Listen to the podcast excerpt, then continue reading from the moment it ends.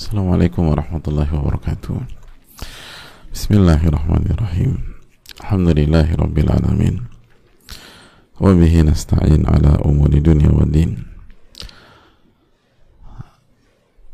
Wa nashhadu an la ilaha illallah lahu la syarika lah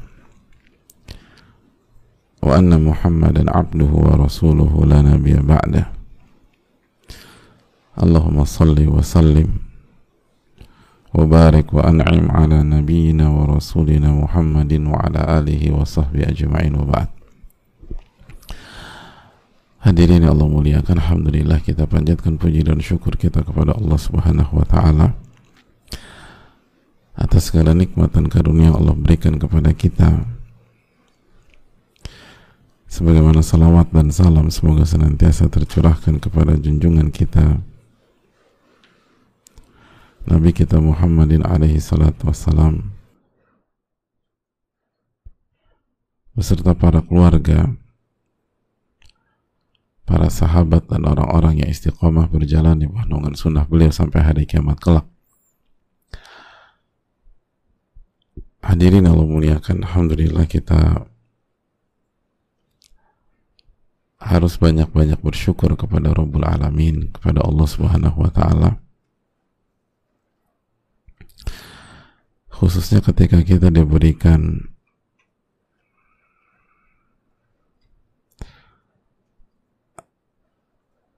nikmat yang sangat besar.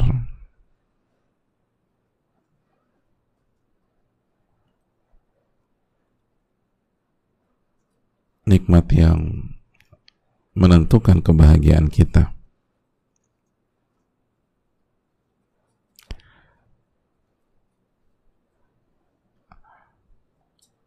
yaitu ilmu nafi. Ilmu nafi. Ilmu yang bermanfaat.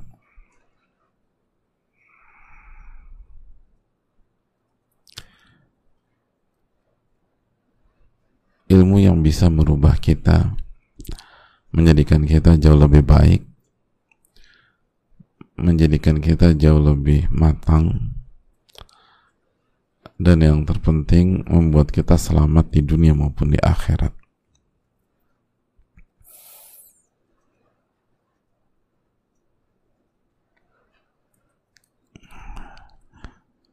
Oleh karena itu hadirin Allah muliakan. Perbanyaklah bersyukur kepada Rabbul Alamin karena kebahagiaan nggak bisa didapat dengan harta. Nggak bisa didapat dengan tahta. Alhamdulillah. Ya oh yuslih balakum. Kebahagiaan hanya bisa didapatkan dengan ilmu nafi, ilmu yang bermanfaat, ilmu yang melahirkan iman dan amal soleh. Oleh karena itu marilah kita bersyukur kepada Rabbul Alamin atas ini semua.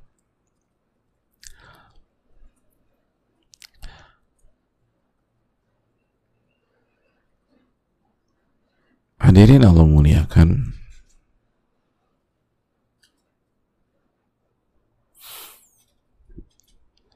Selanjutnya marilah kita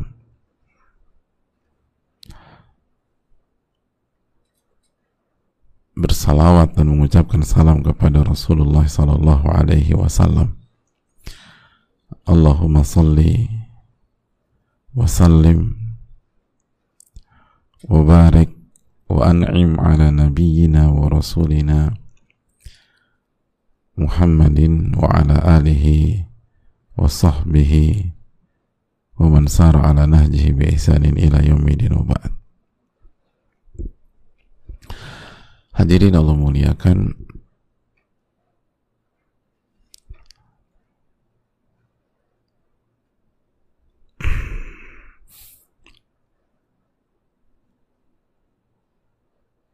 Sekali lagi kita harus kembali bersyukur.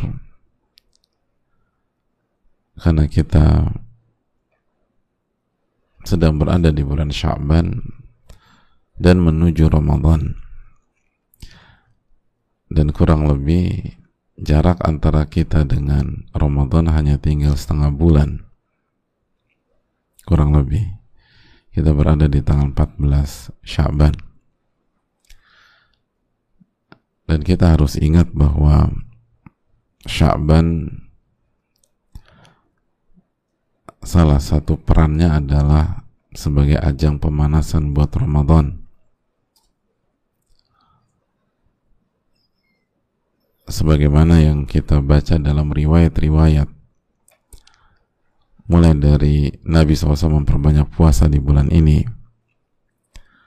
Belum lagi ulama klasik mengatakan syahrul sya'ban syahrul qurra.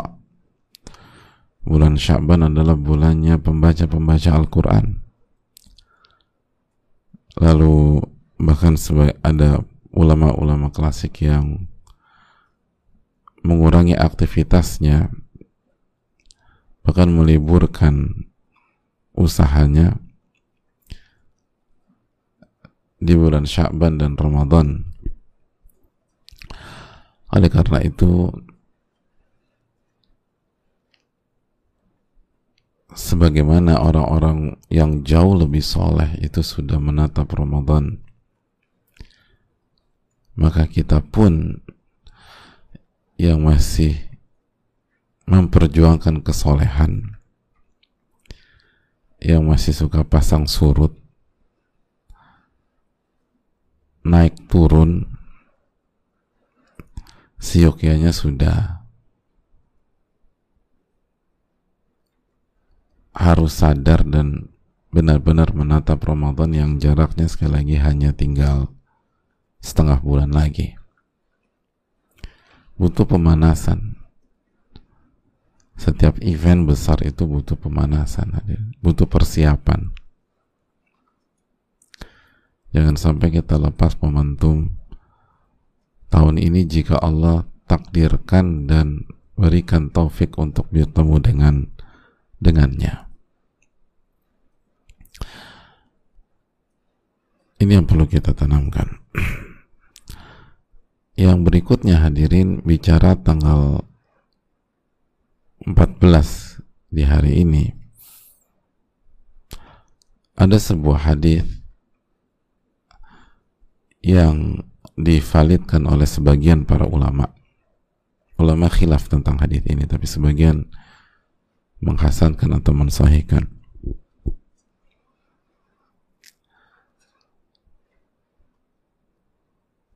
Dan hadis ini pun berkaitan dengan bab kita.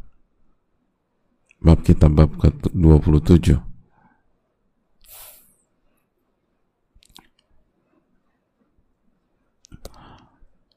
Yaitu ketika Nabi SAW bersabda Inna Allah la yattali' fi laylatin nisfi min sya'ban sesungguhnya Allah itu memperhatikan hamba-hambanya di malam ke-15 bulan Sya'ban, malam nisfu Sya'ban. Nisfu itu artinya setengah. Setengah Sya'ban berarti 15, malam ke-15. Setengah bulan ya. Fayakfiru li jami'i khalqihi. Maka Allah mengampuni seluruh makhluk dan hamba-hambanya. Illa li musyrik au musyahin.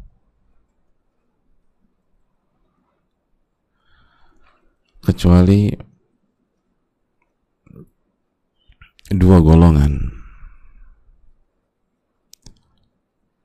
Kecuali dua golongan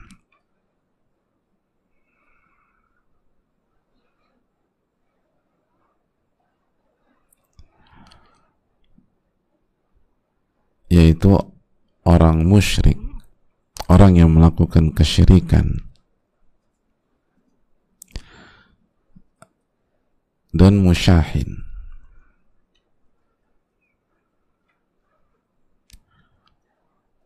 dan musyahin. Jadi semua diampuni oleh Allah.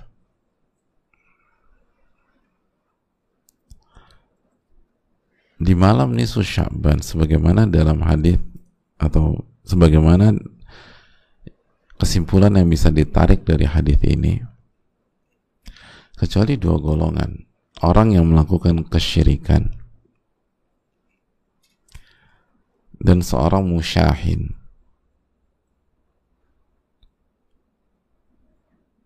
Jadi semua diampuni kecuali orang melakukan kesyirikan dan musyahin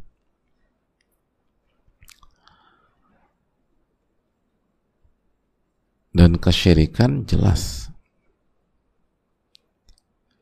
Allah tidak akan ampuni kecuali pelakunya taubat. Jadi bukan berarti Allah nggak ampuni selama-lamanya dan pintu sudah tertutup begitu melakukan kesyirikan enggak. Tapi Allah nggak ampuni sampai dia taubat itu maksudnya sebagaimana firman Allah dalam surat An-Nisa ayat 116 innallaha la yaghfiru an yushraka bihi wa yaghfiru ma duna dzalika liman yasha. Sesungguhnya Allah tidak mengampuni dosa syirik. Dan Allah mengampuni dosa selain syirik atau di bawah kesyirikan sesuai dengan apa yang Allah atau sesuai dengan siapa yang Allah kehendaki jadi dalam ayat ini jelas Allah nggak mengampuni dosa syirik. Sampai pelakunya tobat itu maksudnya. Kalau pelakunya nggak tobat nggak diampuni sama Allah. Maka wajar dalam hadis ini orang yang melakukan kesyirikan dan tidak bertobat tidak diampuni oleh Allah. Oleh karena itu hadirin jaga diri kita dari kesyirikan, segera taubat agar kita mendapatkan ampunan dari Allah Subhanahu wa taala. Dan jaga diri kita dari kesyirikan. Bukan hanya syirik besar tapi juga syirik kecil. Seperti riak memperlihatkan amal ibadah agar dilihat oleh orang lain. Seperti sum'ah memperdengarkan amal ibadah agar dipuji oleh orang lain.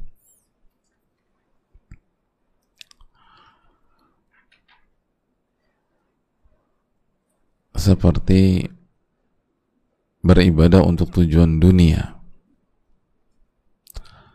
dan lain-lain. Jaga diri kita dari itu.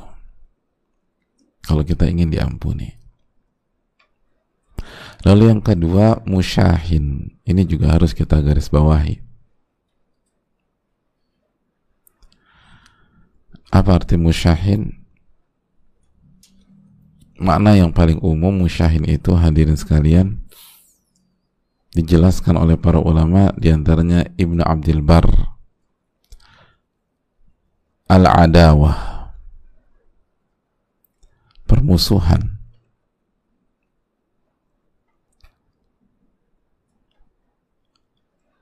Dan begitu juga ini dijelaskan oleh Ibnul Athir.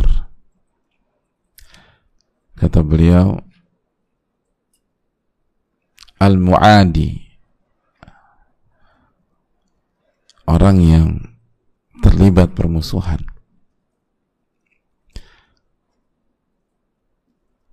dan ini juga bisa dicek dalam kitab Aunul Ma'bud. Aunul Ma'bud itu buku syarah Sunan Abi Daud artinya adalah ada watamlaul qalba. Permusuhan yang memenuhi hati seseorang.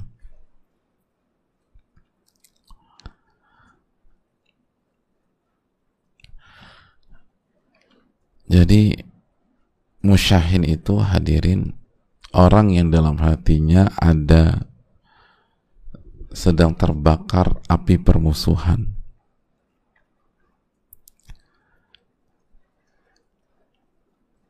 Atau bisa juga kebencian amarah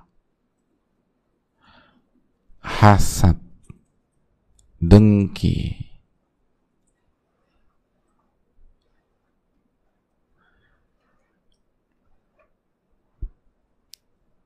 dan permusuhan yang maksudnya permusuhan duniawi hadirin.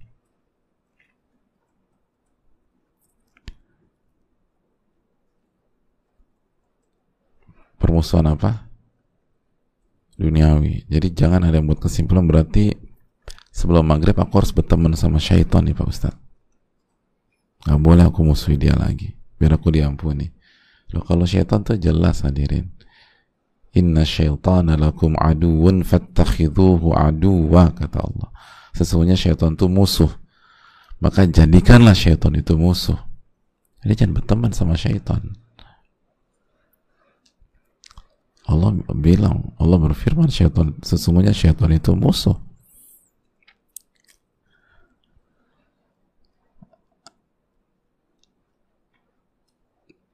Jadi kalau memusuhi kebatilan jelas, tapi ini masalah duniawi, mas.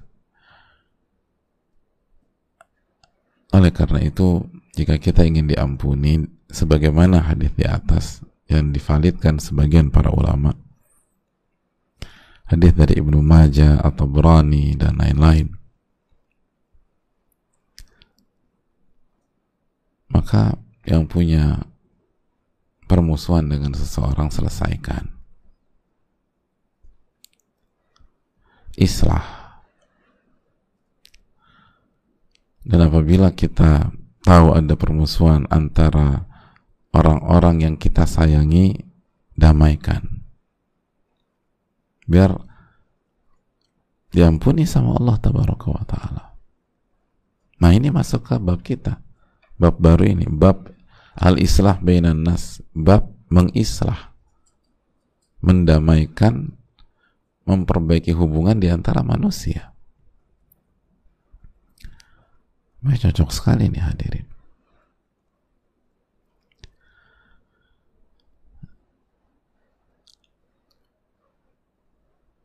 yang benci sama seseorang, yang hasad dengan seseorang, hapus hadirin. Tidak ada gunanya.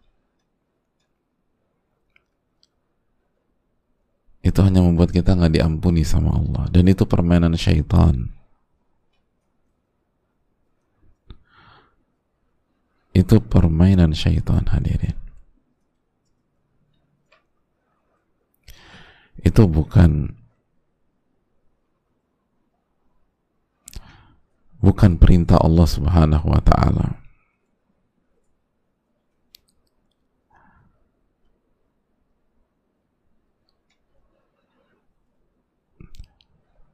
Allah meminta kita untuk islah, islah, islah, islah.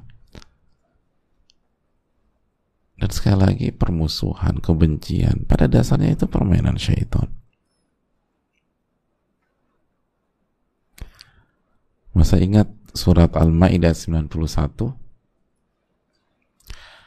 ketika Allah berbicara atau berfirman tentang khamar Allah berfirman innama yuridu syaitan an yuqi'a bainakumul adawata wal bagdha fil khamri wal maisir. Itu sesungguhnya yang diinginkan oleh syaitan adalah membuat permusuhan dan kebencian di antara kalian melalui khomer dan judi.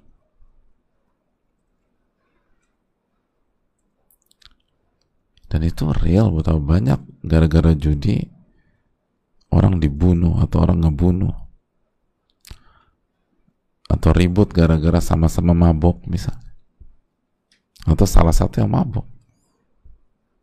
Ribut akhirnya. Mabuk diganggu orang terlibat perkelahian dan itu lagi-lagi siapa yang sutradaranya ya syaitan jadi permusuhan kebencian itu syaitan udah dalamnya dalangnya udah syaitan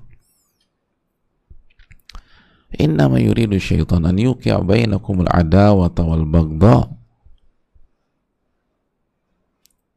fil khamri wal maisir. Ini yang harus kita sadari hadirin. Jadi jangan dia berpikir gue nggak terima sama dia.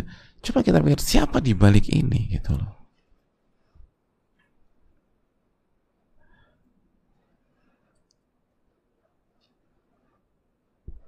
Siapa di balik ini?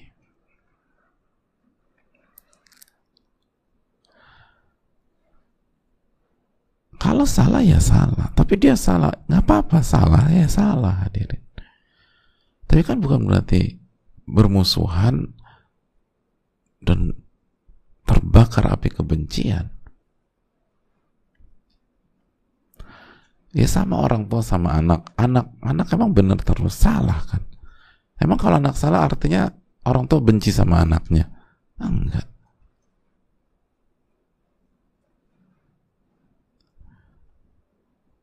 Tapi ini harus dihukum. Ya kalau memang harus dihukum, ya hukum aja sesuai dengan koridor dan batasan. Tapi untuk apa permusuhan, kebencian? Jangan kita jadi pion gitu loh, pionnya syaitan.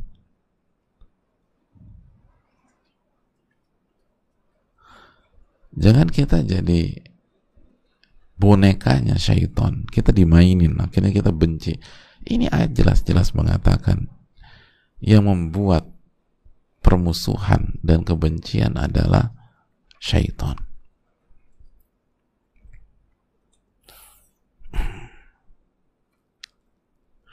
Jadi sering kali kalau kita lagi benci dan kesel sama seseorang, pandangan kita itu ke depan, itu muka tuh orang atau sosok seseorang.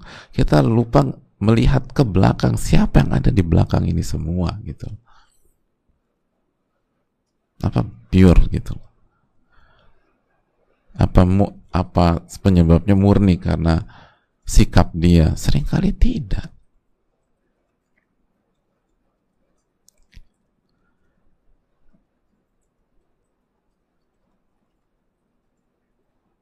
Bukan karena sikap dia sering kali kita benci sama orang tapi karena permainan syaitan di belakang. Dan kita dipermainkan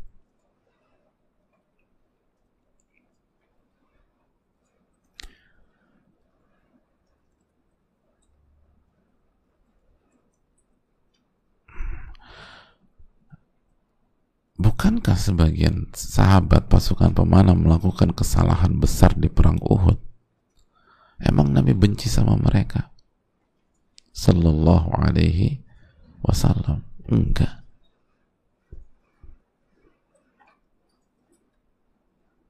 Itu kesalahan.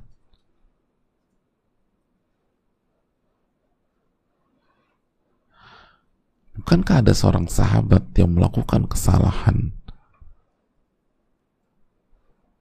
yang sangat berbahaya.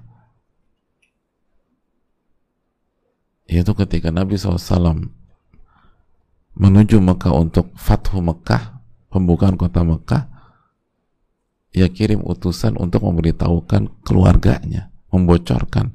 Itu kan fatal hadirin. Siapa? Ada ingat Hatib tapi pertanyaan apakah Nabi membenci Hatib dan memusuhi Hatib? Enggak. Bahkan ketika Umar ingin menghukum Hatib, kata Nabi SAW, Ya Umar, ini ahli badar. Ingat jasa-jasanya Hatib. Lihat. Alih-alih membenci dan memusuhi, Nabi SAW justru mengingat jasa orang yang baru saja melakukan kesalahan fatal Allahu Akbar. Itulah Nabi kita sallallahu alaihi wasallam.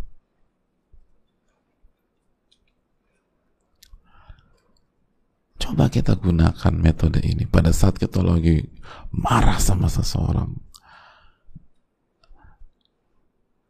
Dan api kebencian disulut sama syaitan. Kita lawan dengan minta pertolongan sama Allah lalu kita lawan mengikuti sunnah Nabi SAW kita ingat jasanya. Ini orang banyak ada jasa.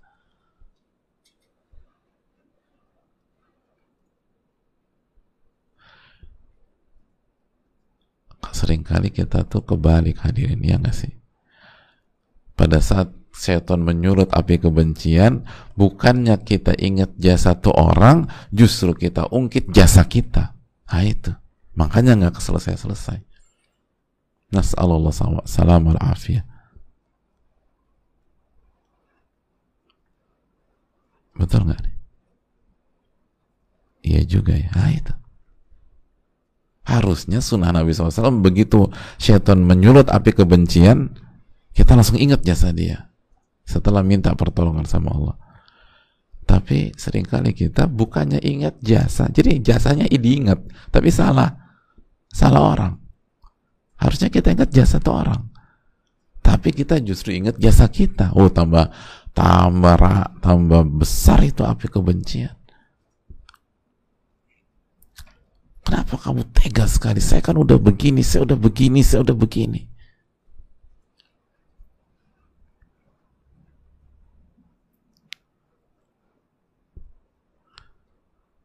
Kalau kita suami, kita ungkit jasa kita sebagai suami. Kalau kita istri, kita ungkit jasa kita sebagai istri.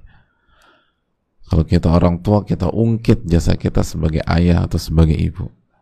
Kalau kita kakak, kita ungkit jasa kita sebagai kakak. Kalau kita adik, kita ungkit jasa kita sebagai adik. Kalau kita sahabat, kita ungkit jasa kita sebagai sahabat. Kalau kita guru, kita ungkit jasa kita sebagai guru. Kalau kita murid, kita ungkit jasa kita sebagai murid atau sebagai pendukung guru kita. Ya nggak akan selesai hadirin. Akhirnya kita hanya jadi bonekanya syaitan. Ingat Al-Ma'idah 91 tadi. Innama yuridu syaitan an yuqi'a bainakumul adawata wal baghdha fil khamri wal maisir Wisuddakum an dzikrillah wa 'anis salah fahal antum muntahun yang menimbulkan permusuhan dan kebencian itu tuh syaitan hadirin. Adapun Allah dan Rasulnya meminta kita untuk saling menyayangi, saling mencintai, bersatu.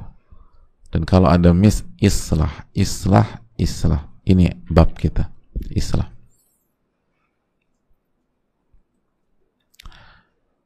Islam. Perbaiki. Perbaiki hubungan. Damaikan damaikan damaikan.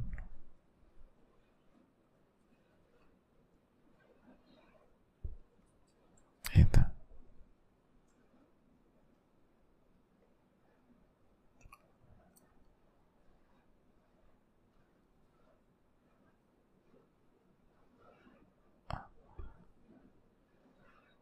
bahkan hadirin sekalian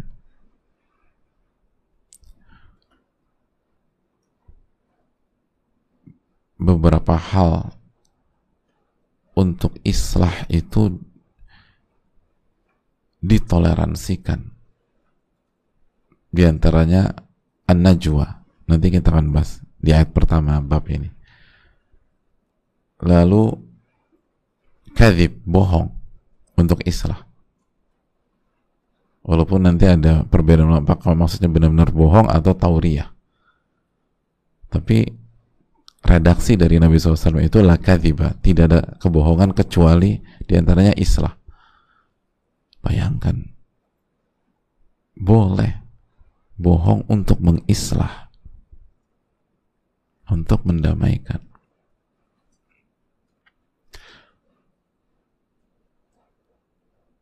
Maka ini momentum hadirin.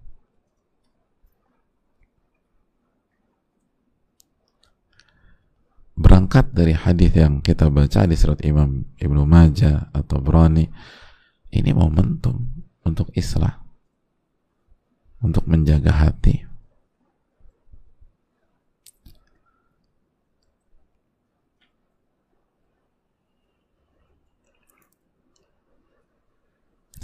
dan yang untung kita kok hadirin. Dosa kita diampuni oleh Allah. Seringkali lagi-lagi syaitan bisikin lu jangan sekali-kali berdamai dengan dia. Rugi lah. Lu udah dirugiin lu segala macam masa mau damai? Akhirnya kita lupa sesuatu hal yang lebih bernilai yaitu ampunan dari Allah ingat hari kiamat kita nggak peduli sama orang. Hari kiamat yang penting kita selamat hadirin. Di hari kiamat yang penting kita diampuni sama Allah. Jadi udah mikir itulah hadirin.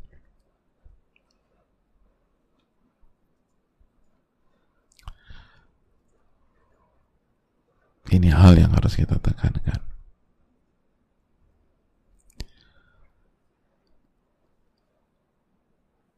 Jadi yang nggak diampuni orang yang melakukan kesyirikan dan yang kedua musyahid.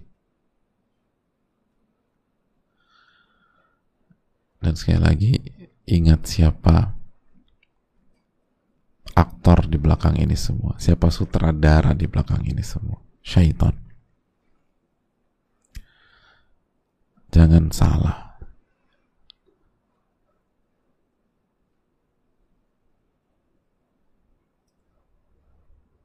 Ada banyak kesalahan-kesalahan dilakukan di masa Nabi SAW, tapi Nabi nggak membenci mereka, nggak membenci umatnya. Ada banyak hadirin.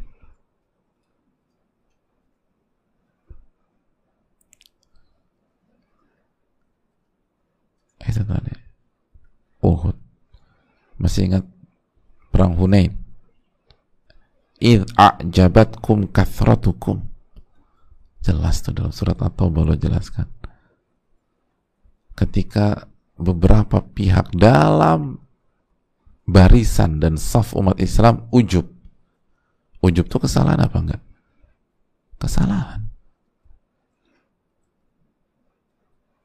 Tapi pertanyaan apakah Nabi SAW membenci mereka?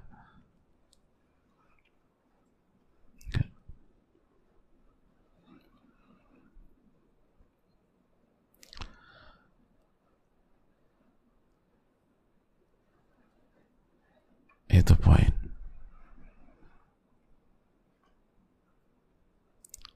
Oleh karena itu hadirin, yang semoga Allah merahmati kita semua.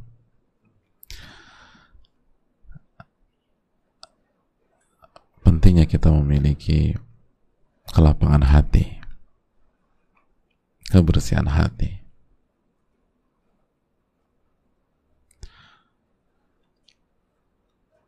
Dan tidak ada yang lebih baik untuk membersihkan hati kita daripada mentauhidkan Allah Subhanahu wa taala dan beriman kepada Allah. Lalu beriman kepada semua rukun iman. Itu ada cara yang terbaik. Makanya digabung musyrik atau musyahid. Kecuali orang musyrik atau musyahid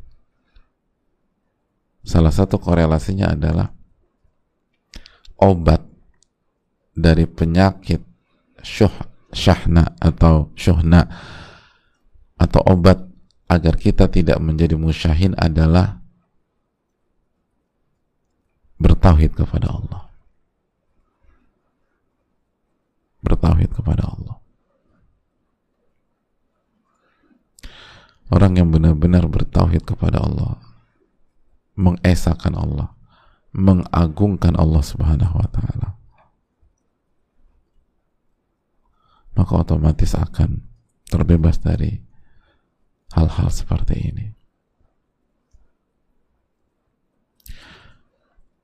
Emangnya mudah? Nggak mudah, susah ini hadirin. Kecuali yang dimudahkan oleh Allah. Tapi itu kuncinya.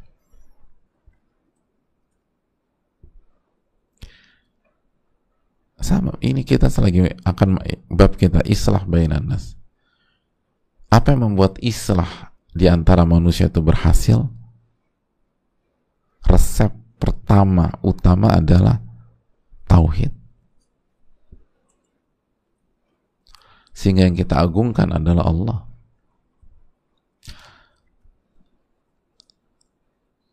Karena mendamaikan dua orang yang berselisih itu resikonya yang mendamaikan siap-siap jadi bemper. ya nggak sih? Diomelin di kanan diomelin di kiri. Itu kalau masih mengagungkan ego diri ya ribut akhirnya. Yang tadinya dua orang tiga orang jadi ribut sekarang. Lu udah nggak usah nggak usah ikut campur urusan gue deh lo gue kan cuma sebagai sahabat gue cuma pengen lo berdua baik. Udah deh jangan sok suci. Lo maksudnya apa sih? Ribut akhirnya. Padahal awalnya ingin mengislah nih.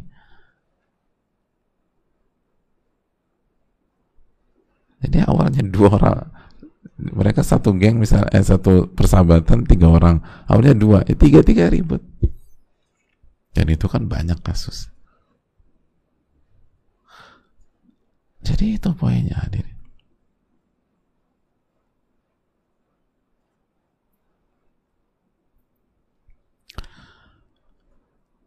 Tapi kalau orang itu bertauhid,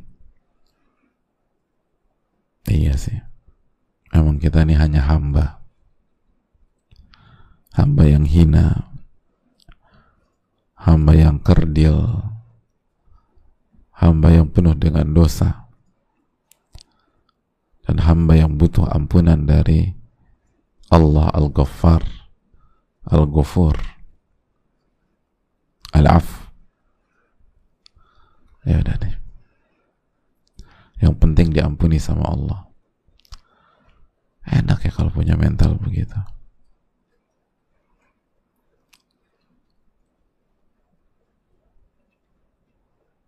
Karena kan ketika seseorang bertauhid maka ia akan mengagungkan Allah dalam hatinya. Begitu ia agungkan Allah, otomatis ia akan rendahkan serendah-rendahnya dirinya, nafsunya, egonya, arogansinya. Begitu ego, arogansi, nafsunya dia rendahkan di titik nadir, kira-kira titik temu jadi gampang atau sulit hadirin? Hah? Titik temu titik perdamaian jadi gampang atau sulit? Kita nggak pernah hidup ya di masyarakat. Hah? Hah? Gampang apa sulit? Gampang. Karena yang yang deadlock itu kan sering kali bukan masalahnya, tapi egonya, arogansinya,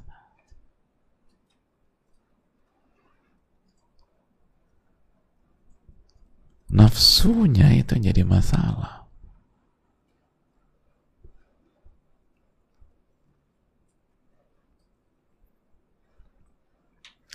Coba buka surat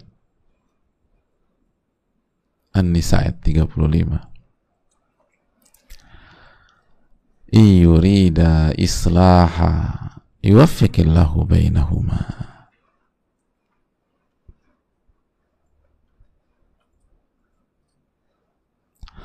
Allah berfirman ini masalah rumah tangga. Apabila suami dan istri benar-benar ingin islah, jujur, ingin islah, ingin berdamai, ingin mencari titik temu, iyurida islaha, jika mereka suami istri benar-benar ingin islah. Jujur ingin islah. Apa kelanjutannya? Ha, hadirin. Yuwaffiqillahu bainahuma. Allah akan kasih taufik kepada mereka berdua. Gitu. Allah akan kasih taufik untuk mereka berdua.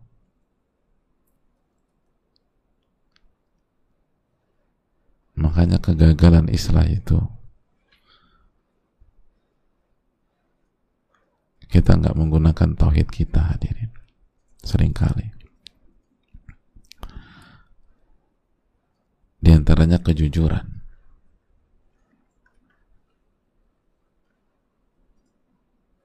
Kejujuran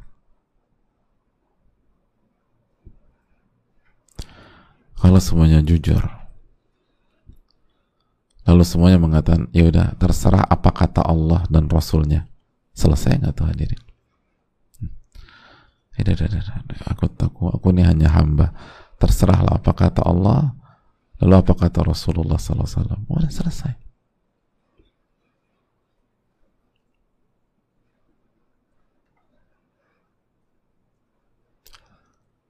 Tapi kalau udah apa kata nafsu, apa kata ego, ya nggak selesai. Ya tapi nggak bisa begitu dong.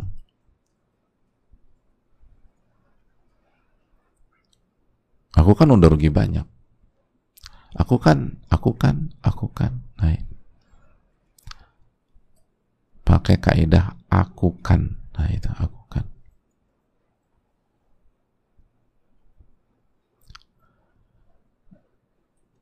Allah Ta'ala Susah ini hadirin, nggak gampang. Bicara gampang.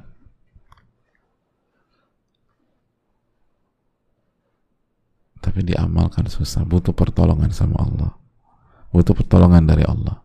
Butuh taufik dari Allah. Butuh tadarru kepada Allah.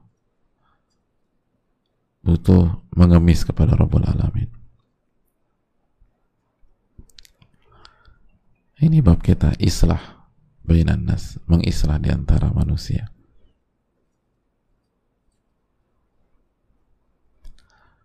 Mendamaikan.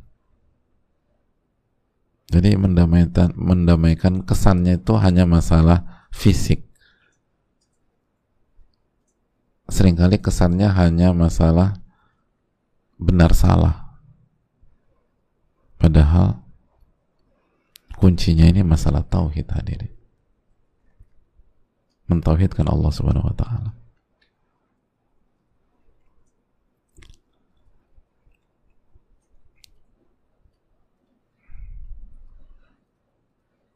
Iya kan? Orang yang bertauhid kalau salah ya udah nggak ada nggak ada pembelaan, nggak ada justifikasi karena tauhid tentang nama-nama dan sifat Allahnya itu berperan. Buat apa saya justifikasi Allah juga tahu kok, memang saya yang salah. Buat apa saya cari pembenaran? Allah juga melihat kok bahwa memang saya melakukan. Di hari kiamat Allah akan singkap semuanya. Emang saya salah. Itu bagi yang salah. Bagi yang di pihak yang benar, dia nggak akan nyerang terus ngejatuhin dan nginjek-nginjek gitu enggak untuk apa saya demikian? Saya juga banyak dosa. Dan saya butuh ampunan Allah. Dan cara dapat ampunan Allah saya ampuni dia. Sebagaimana dalam surat An-Nur ya. Benar nggak? An-Nur ayat 22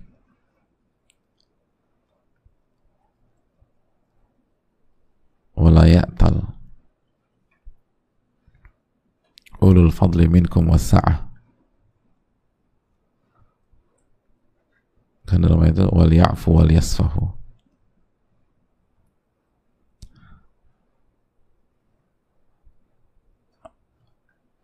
maka maafkan. Dan sudah selesaikanlah Tidakkah kalian ingin Allah mengampuni kalian? Jadi Allah suruh maafkan. Lalu abis itu Allah bertanya, tidakkah kalian ingin Allah mengampuni kalian? Jadi kalau kalian ingin Allah mengampuni kalian, ya maafkan orang.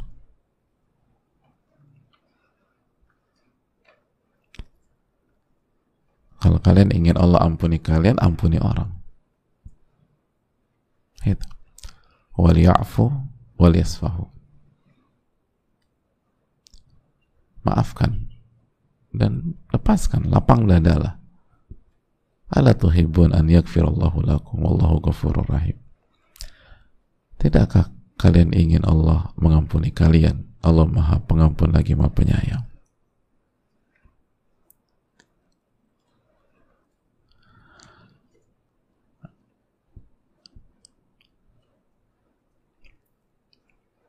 Ayat ini ketika pertama kali didengar oleh Abu Bakar As-Siddiq radhiyallahu taala beliau langsung merespon dengan ucapan bala ya Rabbana atau bala ya Rabbana. Tentu wahai Rabb kami kami ingin diampuni oleh engkau. Lalu langsung beliau memaafkan siapa? Mistah Allahu Akbar Abu Bakar langsung memaafkan Mistah jadi kalau dua belah pihak benar-benar berusaha mengamalkan iman dan tauhidnya semua masalah mudah didamaikan hadir. Semua masalah mudah didamaikan. Tapi kalau ego yang bermain gengsi yang bermain harga diri yang bermain. Arogansi yang bermain. Nafsu yang bermain. Itu masalah kecil aja panjang hadirin. Dan semoga Allah jaga kita semua karena ini nggak mudah. Ini nggak mudah. Dan semoga kita diberikan taufik untuk jujur dalam bicara dan mendengarkan ini yang bisa disampaikan Rabbana taqabbal minna semoga Allah terima amal ibadah kami